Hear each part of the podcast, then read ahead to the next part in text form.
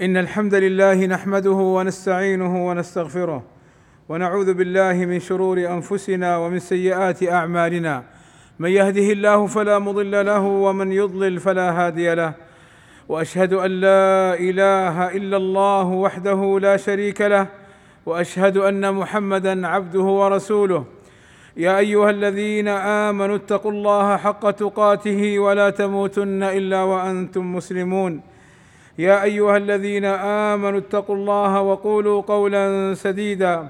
يصلح لكم أعمالكم ويغفر لكم ذنوبكم. ومن يطع الله ورسوله فقد فاز فوزا عظيما. إن أصدق الكلام كلام الله وخير الهدي هدي محمد صلى الله عليه وسلم وشر الأمور محدثاتها وكل محدثة بدعة وكل بدعة ضلالة وكل ضلالة في النار. أما بعد فاتقوا الله عباد الله وأخلصوا أعمالكم لله واتبعوا سنة نبينا محمد صلى الله عليه وسلم. فقد أمرنا الله أن نعمل بما جاء به الرسول صلى الله عليه وسلم وأن ننتهي عما نهانا عنه. قال تعالى وما آتاكم الرسول فخذوه وما نهاكم عنه فانتهوا. وإن مما نهانا عنه صلى الله عليه وسلم البدع والمحدثات في الدين.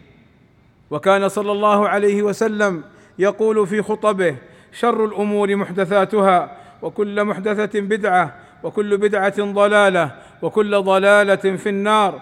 ويقول صلى الله عليه وسلم من عمل عملا ليس عليه أمرنا فهو رد. أي من تعبد الله بعبادة ليست في الإسلام فهي مردودة غير مقبولة. وبهذه الأدلة نعلم أن كل البدع محرمة وهي ضلالة في النار. عباد الله إن شهر رجب هو أحد الأشهر الأربعة الحرم التي هي ذو القعدة وذو الحجة ومحرم ورجب وسميت حرما لزيادة حرمتها وتحريم القتال فيها. ولم يثبت عن النبي صلى الله عليه وسلم أنه خص شهر رجب بصلاة ولا بصيام ولا بقيام. وكل ما ورد في ذلك في الأحاديث هو ضعيف ومكذوب على الرسول صلى الله عليه وسلم لا يثبت عنه شيء كما نص على ذلك أهل العلم. بل ثبت عنه صلى الله عليه وسلم صيام أكثر شهر شعبان. فعن أسامة بن زيد رضي الله عنهما قال قلت يا رسول الله لم أرك تصوم من شهر من الشهور ما تصوم من شعبان. فقال صلى الله عليه وسلم ذاك شهر يغفل الناس عنه بين رجب ورمضان وهو شهر ترفع فيه الأعمال إلى رب العالمين وأحب أن يرفع عملي وأنا صائم. ومن البدع التي أحدثت في هذا الشهر شهر رجب صلاة الرغائب. قال عنها النووي رحمه الله تعالى بدعة منكرة من البدع التي هي ضلالة وجهالة وفيها منكرات ظاهرة. انتهى. ومن البدع تخصيص شهر رجب بالصيام إذ أن النبي صلى الله عليه وسلم لم يخصه بالصيام بل كان الصحابة رضوان الله عليهم ينكرون على من يصوم رجب. وكان عمر رضي الله عنه يضرب على صيامه ويقول إنما هو شهر كانت تعظمه الجاهلية. وأما من كان معتادا صيام الاثنين والخميس والأيام البيض في غير رجب فهذا لا يمنع من صيامها وإنما الممنوع تخصيص شهر رجب بعبادة اعتقادا أنها تشرع فيه. والله أسأل لي ولكم التوفيق والسداد وحسن القول والعمل وأن يهدينا إلى الصراط المستقيم. الحمد لله رب العالمين والصلاة والسلام على المبعوث رحمة للعالمين وعلى آله وصحبه أجمعين. أما بعد فمن البدع في رجب صلاة ليلة المعراج وهي صلاة تصلى ليلة السابع والعشرين من رجب وهي صلاة مبتدعة لا دليل عليها من الكتاب والسنة بل بعضهم يفضلها على ليلة القدر وهذا بدعة وضلالة مخالف لإجماع أهل العلم على أن أفضل ليلة في السنة هي ليلة القدر. ومن بدع تلك الليلة الاجتماع ليلتها وزيادة الإضاءة والإطعام فيها قال الشيخ ملا علي قاري رحمه الله تعالى لا شك أنها بدعة سيئة وفعلة منكرة لما فيها من إسراف الأموال والتشبه بعبدة النار في إظهار الأحوال. انتهى. ومن البدع في تلك الليلة قراءة قصة الإسراء والمعراج والاحتفال بها في ليلة السابع والعشرين من رجب وتخصيص بعض الناس لها بالذكر والعبادة. بدعة. ولم يثبت دعاء أو ذكر خاص بشهر رجب المحرم.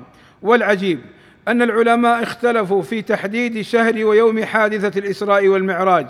هل هي في رجب أم في غيرها؟ هل هي في السابع والعشرين أم في غيرها؟ فالجزم بأنها في رجب ليلة السابع والعشرين مما لا أصل له ولو ثبت ولم يثبت دليل عن النبي صلى الله عليه وسلم بتخصيص شيء فلا يجوز لنا أن نخصص شيئا بلا دليل. عباد الله تأملوا قول الصحابي الجليل ابن مسعود رضي الله عنه اتبعوا ولا تبتدعوا فقد كفيتم. أي اتبعوا واعملوا بسنة نبينا محمد صلى الله عليه وسلم. ولا تبتدعوا في دين الله فلا تتقربوا إلى الله إلا بما جاء به الرسول. صلى الله عليه وسلم. فقد كفيتم أي عندكم في دينكم ما يكفيكم للعمل به فليس هناك حاجة للزيادة. فاحرصوا عباد الله على اتباع السنة واعملوا بها واحذروا من المحدثات والبدع تفلحوا وتنجوا. عباد الله إن الله وملائكته يصلون على النبي يا أيها الذين آمنوا صلوا عليه وسلموا تسليما. فاللهم صل وسلم على نبينا محمد وأزواجه وذريته. كما صليت على آل إبراهيم وبارك على محمد وأزواجه وذريته كما باركت على آل إبراهيم. إنك حميد مجيد. وارض اللهم عن الخلفاء الراشدين أبي بكر وعمر وعثمان وعلي وعن جميع أصحاب النبي صلى الله عليه وسلم والتابعين لهم بإحسان وعنا معهم بمنك وكرمك يا أكرم الأكرمين. اللهم آتنا في الدنيا حسنة وفي الآخرة حسنة وقنا عذاب النار. اللهم اغفر للمسلمين والمسلمات والمؤمنين والمؤمنات الأحياء منهم والأموات. اللهم إنا نسألك الهدى والتقى والعفاف والغنى. اللهم وفق ولي أمرنا الملك سلمان ابن عبد العزيز وولي عهده الأمير محمد بن سلمان لما تحبه وترضاه. وأصلح بهما العباد والبلاد واحفظهما من كل سوء. اللهم أيدهما بتأييدك ووفقهما بتوفيقك وأعز بهما الإسلام والمسلمين.